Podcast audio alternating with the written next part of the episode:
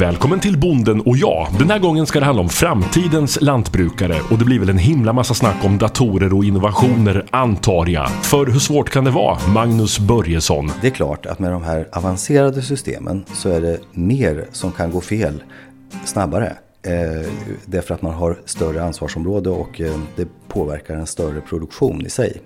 Det här tror jag kommer att, att, att attrahera många. Det är lätt att vi är väldigt intresserade av den tekniska utvecklingen och kanske inte riktigt ser till eh, ledarskapsfrågor, eh, kanske sociala frågor och andra frågor runt. Eh, alltså att få ett, ett väldigt välfungerande system och ett bra, bra ledarskap. Vi kliver in hemma hos Magnus Börjesson. Jag måste bara kolla Magnus, alltså har du en, en utställning i köket? Vi är i ett vanligt kök, jättefint kök, men så här hemmakök. Men så bakom ryggen här på mig, mitt i köket, så är det sådana roll-ups och det är blädderblock och grejer. vad händer här egentligen? Ja, vad händer här? Ja, det ser ju konstigt ut kanske i ett vanligt kök att det ser ut så här. Men det är lite av en, en eh, roll-ups och utställning kan man säga på ett sätt. För det, vi, det är inte så ovanligt att vi har besök av någon grupp sådär. Och då kan det vara ett bra sätt att om man är inne då, eh, framförallt eh, vinna tid genom att eh, se saker och ting snabbt och få det förklarat. Så det vi ser är markkartor eller fältkartor över gården och, och Högåsa och Härna och arealerna och var de ligger. Så det är de där nätverken som för min del är de viktigaste då som jag jobbar med. Och de här Kragris-gänget här som heter Jord på trynet, de jobbar ju ganska mycket med. Och därför så använder vi den här typen av roll-ups i sådana sammanhang då. Ja, effektivt att ha det i köket också. ja, det är lite nära. Men du, ska vi börja med att presentera dig då? Ja, Magnus Börjesson heter jag och eh, jag är ju lantbrukare eh, och gården här heter Högåsa. Och det är en del av mitt liv att driva lantbruk här och som de här arrendena som är på andra sidan Vreta kloster.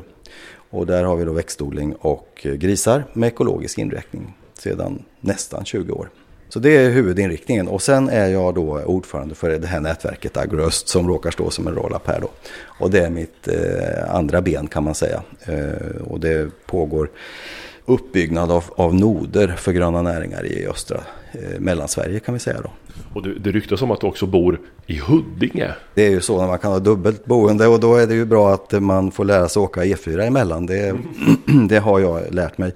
Men så är det faktiskt. Vi är lite nykomponerad familj som inte alls är nykomponerad utan sedan länge egentligen. Men vi har en bas, vår bas i Huddinge. Jag är mer ute efter hur hinner du med allting? Jag menar lantbruket, och nu ringer det också. Ja, ta det. hur många timmar har du på dygnet? Nej, men det gäller väl bara att planera egentligen och eh, det är mycket arbete som är här. Så att jag är ganska mycket på, på Högåsa och, eh, och också med Vreta kluster. En hel del jobb där mm. som eh, pågår ibland. Så att... Eh, ja, men lantbruket, det är ju fullt upp alltså. Det vet ju alla. Jag har ju mött så många i den här serien. Ja. Och det är ju inte 8 till 16 man jobbar utan det är ju hela dagarna. Och du har fyllt på dygnet med lite annat också.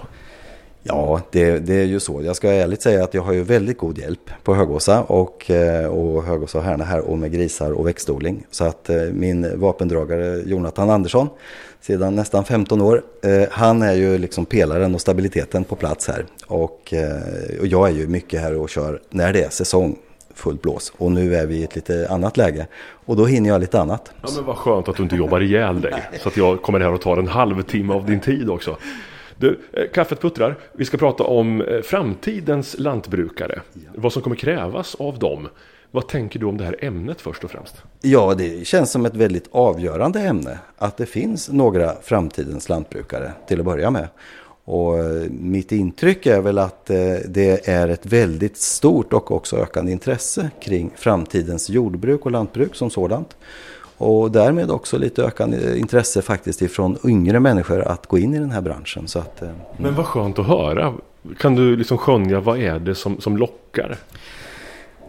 Jag tror att vi har kommit bättre ut i samhällsdiskussionen egentligen under de allra senaste eh, åren. Och eh, vi behövs till en mycket större del nu i det här samhällsomställningen eh, omställningen kan man säga. Man börjar förstå det. Vi är, vi är viktiga inte bara i det sammanhanget utan även i ett eh, säkerhetsberedskapssammanhang och, och eh, jag tror att hållbarhet som sådant är väl ganska enkelt att se att eh, vi är fotosyntesbranschen i eh, detta land och då är det rätt viktigt att eh, jobba med den. Så att det kommer nog från många håll skulle jag säga. Sen måste man väl också säga att vi har en ganska spännande teknikutveckling eh, runt den här branschen.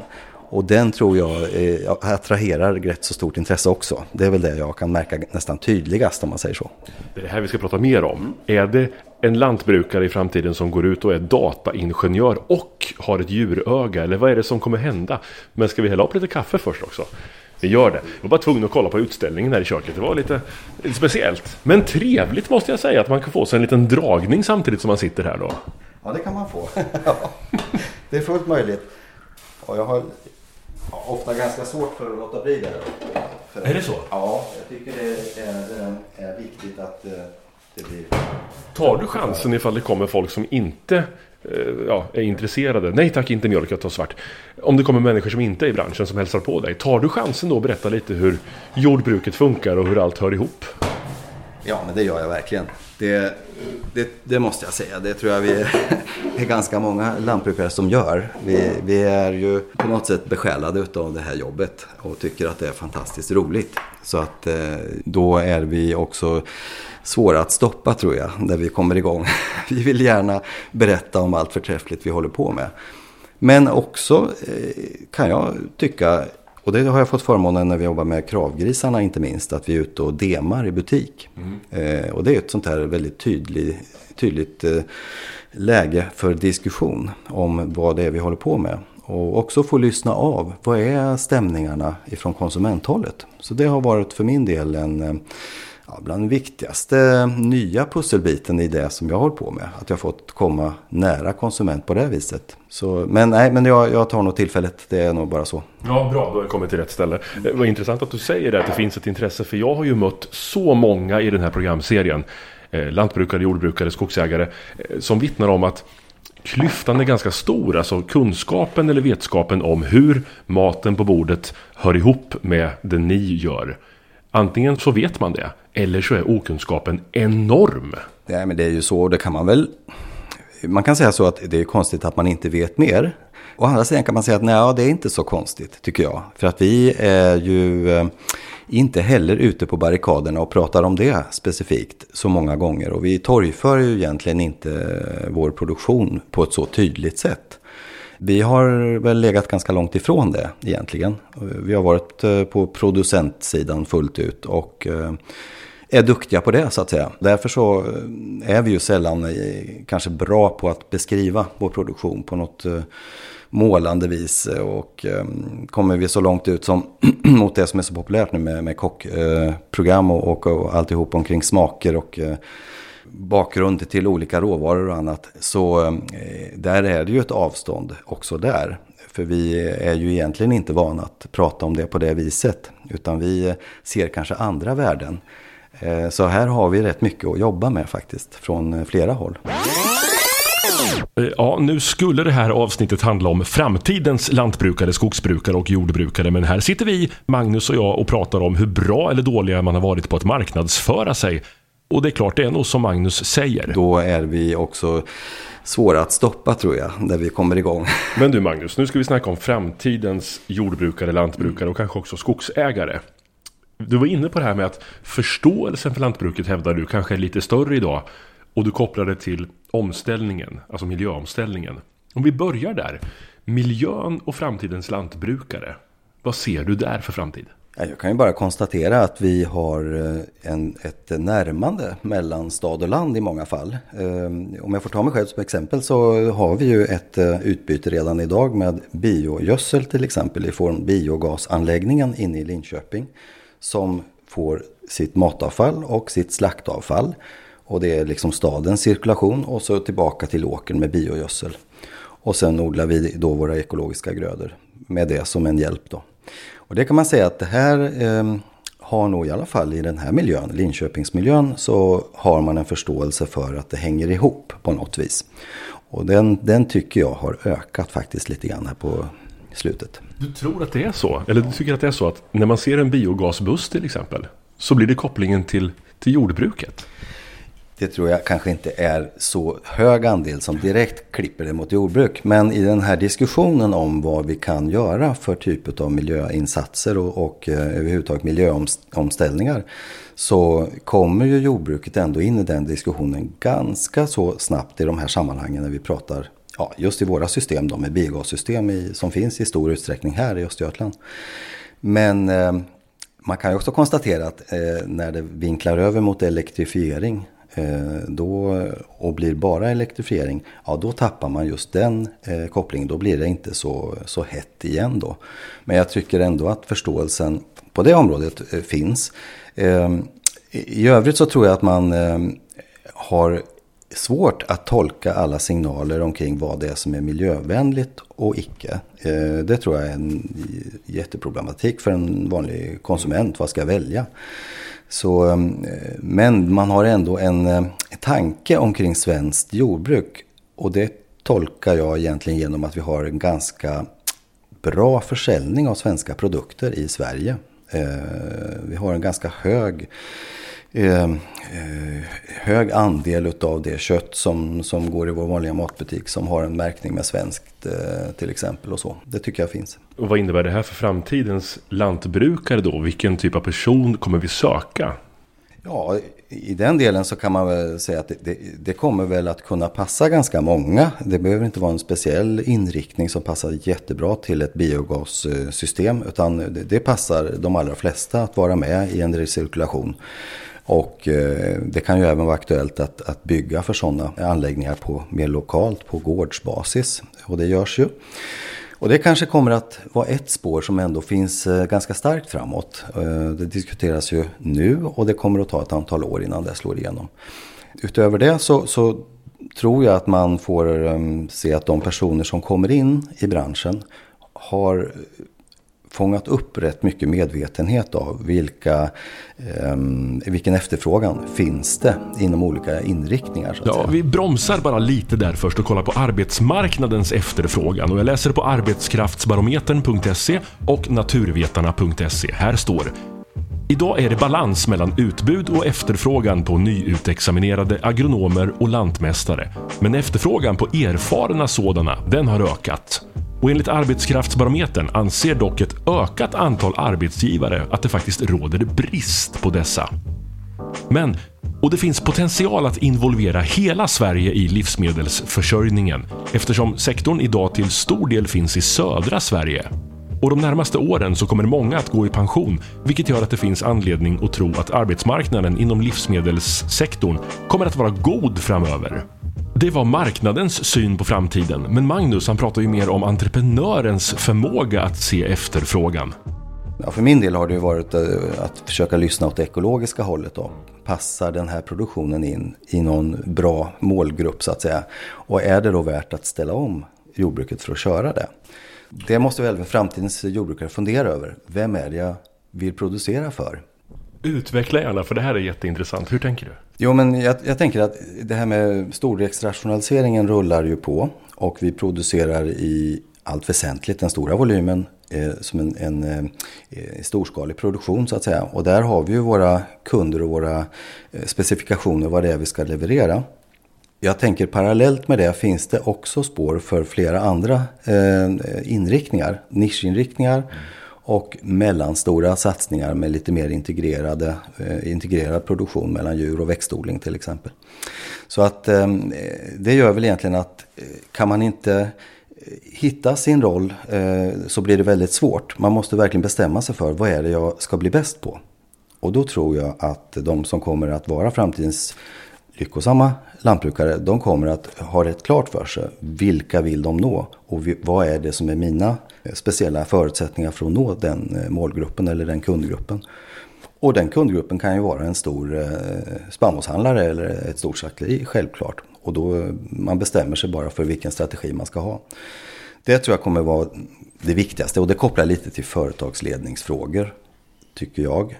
Att man får bestämma sig för vilken riktning man, man eh, ska satsa på. Och kanske att man utgår ifrån ens egna styrkor då. Att man gör det man själv tycker är roligast helt enkelt och är bäst på.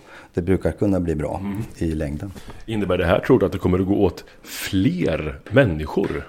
En ökad efterfrågan på arbetskraft? Ja, det tror jag absolut vi har en, en eh, möjlighet till. Vi har ju gjort sådana studier och utredningar där eh, man tittar på hur mycket arbete ny arbets, eh, nya arbetstillfällen kan vi skapa i den här sektorn. Och det är ju en ganska rejäl ökning vi kan se framför oss. Om vi är lyckosamma med att bestämma oss för vilka vi producerar för. Och där finns det mycket, mycket mer att göra. Ja, vilka ska vi producera för? För nu vill jag vidga frågan då till att mm. tänka på eh, konkurrensen mot importerade också. Mm. Det, är väl, det är väl en jätteutmaning även i framtiden, eller vad ser du? Ja, absolut. Det här att vi har lyft eh, de svenska värdena och de tycker vi är ganska enkla att prata om med djurvälfärd och och jag tror även framåt så kommer det att vara eh, viktiga punkter med antibiotika och djurvälfärdsfrågor och så. Men det jag tänker på är egentligen att vi har så många andra kunder, faktiskt utanför landets gränser också.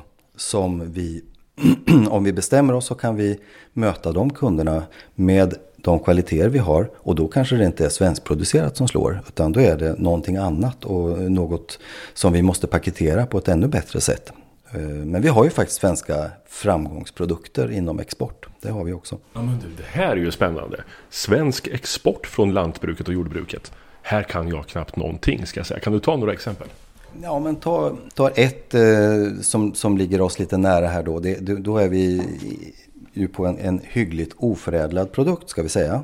Vi, nu lämnar vi Absolut Vodka och den eh, resan. Och, utan vi går lite närmare till där jag är och producerar då. Och då har ju vi fröodling, ekologisk fröodling som eh, för bara Eh, ja, 10-15 år sedan var en, en ganska ringa historia.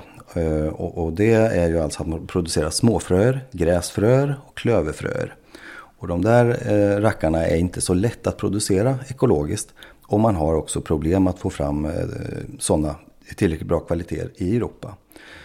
Och på ganska kort tid har vi gått ifrån att ha väldigt låg eller ingen produktion till att bli världsledande inom just den produktionsinriktningen. Lite tack vare teknikutveckling då. Mm. Som har eh, skett här i Östergötland. Eh, men eh, vi och danskarna är då världsledande på, på den här lilla, lilla nischen kan man säga. Men den är stor och värdefull. Oj, vad ser du för framtid här nu då? Ja, jag tror det finns ytterligare expansionsmöjligheter bara på den delen, absolut. Det gör det. Och um, det kommer vi att säkert att också tillfredsställa. Men, men eh, det kräver ganska mycket utav kunskapsutveckling, kunskapsspridning för att uh, lyckas med det. Och att man har en bra handelsaktör som verkligen är inriktad på att söka de här marknaderna. Det är väl ett sånt exempel för att, för att ta något som ligger väldigt nära. Mm. Där, där jag tror att vi har en uh, stor efterfrågan framför oss och det finns stora möjligheter. Och den andra finns egentligen på, på, på grissidan. Ehm, vi, vi har lite tajt marknad på ekologiskt griskött. Eh, men från... Eh, Tight, på vilket sätt? Ja, den är ju liksom inte direkt i växande just nu. Vi har ju svenskmärkningen som har slagit igenom. Vi hade en väldig tillväxt för eh, inte så länge sedan på den ekologiska sidan. Men nu är det lite mer dämpat. Nu är det svenskt och också lite grann backa tillbaka hem med corona tror jag. Och det blir lite annan utveckling. Men signalerna utifrån från exportmarknad är ju att det är en väldigt stark exportmarknad eh, om vi går till Europa. Men också Nordamerika inom då just vår lilla nisch med griskött.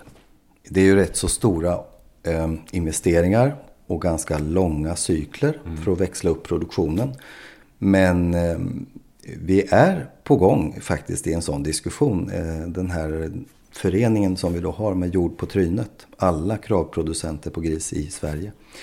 Där, där finns det en sån dialog med vår, eh, med vår kund. Då. Mm. Och eh, också med bas i Danmark att använda deras nät ut på marknaden.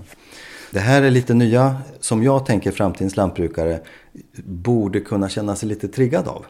att det här är nya öppningar och eh, att inte alltid behöva tänka att allting är statiskt, så att säga en svensk marknad inte bara det. Men, men tänker man så tror du? Är, är det, man är invand vid att tänka ett visst mönster? Här producerar jag och jag kan leverera hit. Ja, alltså vi exporterar ju egentligen väldigt många produkter också och kanske utan att man pratar alltid pratar så mycket om det. Tar vi spannmålen till exempel så är vi ju duktiga eh, exportörer på spannmål.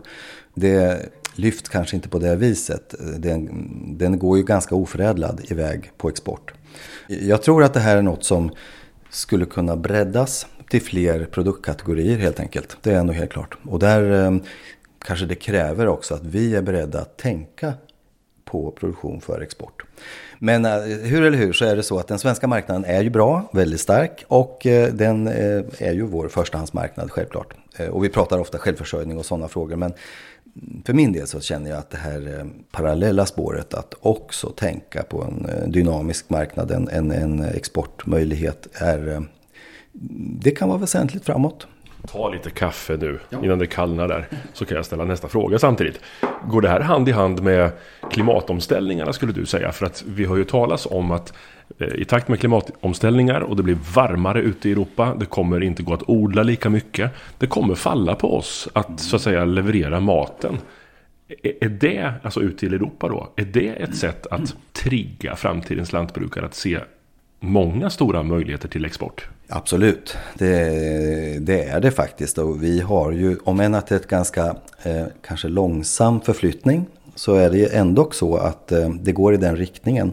Nu nämnde jag fröproduktionen och en del av den beror ju också då på att man har alldeles för stora problem nere i Europa till exempel. Att eh, klara insektstryck och annat.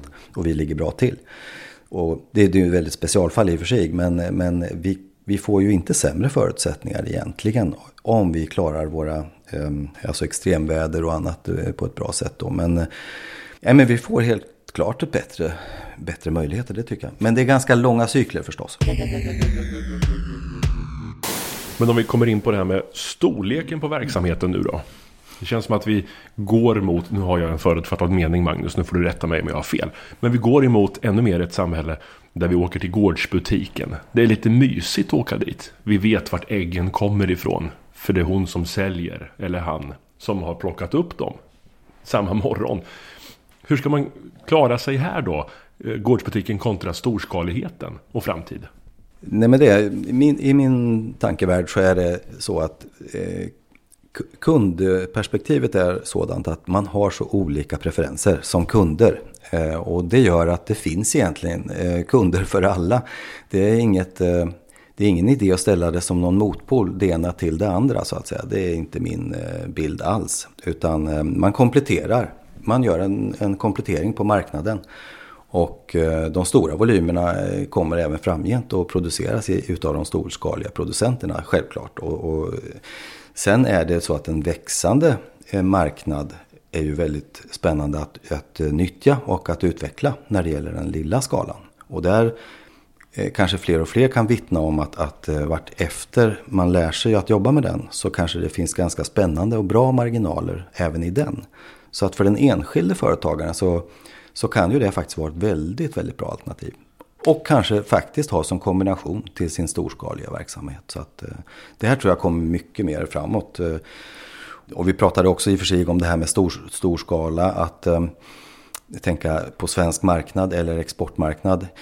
Tittar man omkring oss så den större skalan i våra omgivande länder har ju satsat eh, ganska rejält och varit framgångsrika på exportmarknader också. Och där ehm, eh, kanske vi har då en del eh, kompetens att hämta därifrån. Mm. Jag tror inte det behöver, man behöver tänka statiskt att det, det ena på bekostnad av det andra eller någonting sånt egentligen. Utan det är kompletterande marknadsutveckling bara. Men när vi pratar framtidens lantbrukare, jordbrukare, skogsbrukare så måste vi prata om teknik också. För det har ju hänt otroligt mycket. Igen inom lantbruket, det har det ju alltid gjort. Men kliver man in i en modern anläggning idag, då är det datorer så långt ögat når. Vad, vad, tänker du här om framtidens lantbrukare, jordbrukare, skogsbrukare och den nya tekniken? Ja, den är ju i sig revolutionerande i många fall. Och eh, eh ibland så, så, är det ju robotutveckling som, som är den, den man ser som fronten. Men det är också i många fall bara rena stödsystem för att vi som företagare eller medarbetare ska få ett, ett stöd i verksamheten hur, hur det fungerar. Och att man inte kan se allting utan man kan få ett, ett onlineflöde som visar. Så att eh, det här tror jag kommer att, att, att attrahera många. Men min personliga syn på tekniken kontra kanske andra frågor, ledarskapsfrågor, sociala frågor, så, så, skulle jag säga att eh, det är lätt att vi, inte minst, eh, ja, jag kan räkna in med den gruppen, att vi eh, är väldigt intresserade av den tekniska utvecklingen och kanske inte riktigt ser till eh, ledarskapsfrågor, eh, kanske sociala frågor och andra frågor runt, eh, alltså att få ett, ett väldigt välfungerande system och ett bra, bra ledarskap. Det, det kanske... Konkret, hur då? hur då? Berätta lite om, du tar en, en gård här nu då som står inför att möta framtiden och den nya tekniken knackar på dörren. Och så pratar du ledarskap. Ja, men jag tror det är där man hamnar. Alltså, det är klart att vi har fantastiska system, men de blir ju inte bättre än de eh, som har ansvar för att se till att det fungerar eh, från dag till dag. Och är det nu ett djur, eh, djuranläggning till exempel som är 24-7 och det måste funka hela tiden så är det det handlar om det här med att, att bygga eh, delaktighet, eh, delat ansvar och att faktiskt ha ett, ett väldigt bra ledarskap som stöd för den här eh, tekniska utvecklingen. Som, som vi investerar i och med rätta för att vi har väldigt mycket att vinna på den. Men eh, vi kommer också behöva ett väldigt bra eh, samspel och framförallt i växande gårdar, eh, på växande gårdar, att få det samspelet att fungera så att vi eh, ja, inte misslyckas med den nya tekniken helt enkelt. Här blåser upp en liten fara. Det är första gången jag hör den faktiskt. För att, jag vet inte, nu har ju inte jag hört allt. Det måste jag poängtera. Men det är mycket prat om att den nya tekniken den kommer underlätta, den kommer göra allting så himla bra. Starta med mjölkroboten, sen har det bara gått motorväg framåt och snart behöver vi inte ens gå ut i laggården. Vi kollar i telefonen och ser Rosa står där. Men, men du ser faran med det också? Eh, jag skulle inte säga en fara, men eh, det, det är ju så att eh, den kan inte bli bättre än de som har ansvar för att sköta hela systemet. I samband med att vi bygger större och mer avancerade system så kommer just kraven på individuella prestationer att bli att bli högre så att säga. Och det, det ställer också krav på att det är ett samspelat gäng som sköter det. Så. Och vad innebär det för människan som jobbar i lantbruket? Vilken typ av människa söker vi i framtiden? Ja, jag tror det är otroligt viktigt med det egna ansvaret och känslan för det arbete man, man eh, gör. Och eh, nu får jag titta till grisbranschen här lite grann och jag kan konstatera att eh, toppproducerande och toppresterande eh, eh gårdar eh, lyfter ju verkligen sin personal i det sammanhanget. Man kan inte göra det varken med teknik eller one man show så att säga. Utan det är verkligen ett samarbete. Det tycker jag blir så tydligt att det är där egentligen den, resultatmöjligheten finns. Så, um, Som det alltid har varit, eller hur? Ja, det är inget nytt. Nej, nej jag, jag, tycker inte man ser något nytt under solen på det sättet. Men det är klart att med de här avancerade systemen så är det mer som kan gå fel snabbare. Eh, därför att man har större ansvarsområde och eh, det påverkar en större produktion i sig. Så eh, då kan man säga att det blir viktigare och viktigare egentligen. Det är väl det som händer. Men jag tror egentligen bara som, ah, som att arbeta med det så tror jag att det, eh, det blir bara roligare egentligen. Det blir ju liksom ett, ett eh, eh, man blir viktigare spelare i sammanhanget. Och man har också en ganska unik kompetens. Och detsamma, alltså oavsett vi är i djurproduktion eller i en ehm, växtodling så är det lite grann de mjuka eh, värdena, mjuka kunskaperna som kommer eh, till sin rätt ihop med systemen. Man kommer aldrig att reda ut att få systemen att eh, ta över de frågorna så att säga. Och därför måste vi samspela och då gör vi det med, eh, ett, eh, med hög kunskapsnivå och bra ansvarstagande. Liksom. Det är bara så. Kommer vi att söka efter datatekniker som har den där extra känslan, djurögat. Det låter som att det är nästan en människa som inte finns. Nej. Nu hade jag förutfattade meningar igen, men ändå alltså den här klassiska jordbrukaren. Ställ den bredvid en, en datatekniker. Mm. Är det mixen vi söker efter eller? Egentligen så är det väl så att de system som kommer att vara framgångsrika, de kommer väl att gå lite mer Apple-like om man får säga så. Och, och då är det kanske inte just datatekniker eh, kompetensen som blir avgörande egentligen. Utan systemen vi kommer investera i Även om vi har köpt mycket annat som inte funkar så där himla bra eh, under tiden nu. Men det vi kommer att investera i hoppas vi kommer bli tillräckligt användarvänligt. Så att ehm, då kanske så att säga den här grundläggande data kunskapen i sig inte är relevant. Men däremot, eh, alltså den är relevant men den blir inte helt avgörande, det är så jag menar. Så, men däremot så, så, att ha en eh, förståelse för kraften i de här systemen och vad, som, vad de kan resultera i. Det kan ju kräva en förståelse för vad digitaliseringen kan ge. Snarare så. Och den eh, omställningen för, för jordbruket är vi ju en bit på kan man säga. Vi har gjort ganska mycket men vi har ju väldigt mycket kvar. Om du skulle få ta ut en stor utmaning du ser framåt och en stor möjlighet. Ja, då är det nog enk ganska enkelt tycker jag. Utmaningen är att eh, faktiskt attrahera de bästa. Eh, de bästa talangerna och de bästa personerna till eh, ett växande lantbruk. Det är den ena. Och den andra skulle jag säga är att vara tillräckligt framgångsrik i försäljningsledet. Alltså att hitta sin affärsmodell som ger en, en eh, lönsamhet på gården. Det är de två perspektiven tror jag som är, alltså egentligen kundperspektivet och kompetensperspektivet. De avgör. Det är inte lätt men... Det är inte lätt säger du. Vilka branscher konkurrerar ni emot? Ja, alltså jag tror att vi ehm, i, i ett eh, län som Östergötland där vi är nu så har vi väldigt många framgångsrika industrigrenar och vi har väldigt många, många framgångsrika tjänsteföretag så att säga. Så, så, att, eh, och det vi pratar om nu, det ligger ju ofta i en mix. Det är ganska mycket produktionsinriktat men det är väldigt tungt när det gäller att kunna IT-sidan också.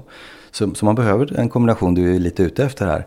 Ibland så kanske vi har fördelar när det går i vågor hos annan industri. Och vi måste också se till att våra egna utbildningssystem, om vi nu kallar dem för det, de som är så att säga grundutbildning, eh, både lantbruksskolor och i, i högre eh, utbildningar, eh, är tillräckligt bra. Så att eh, man eh, har god eh, glädje av eh, den kompetensen när man, när man kommer ut på arbetsmarknaden så att säga. Och det, det kanske vi behöver jobba mer med, att vara närmare. Men eh, jag tycker det ser väldigt ljust ut för att det kommer väldigt stort tryck till de utbildningsinstitutionerna också. Mm. Att, är, det, är det möjligheten du ser? För du ska ta ut en möjlighet också här nu. Är det att folk står på kö nästan?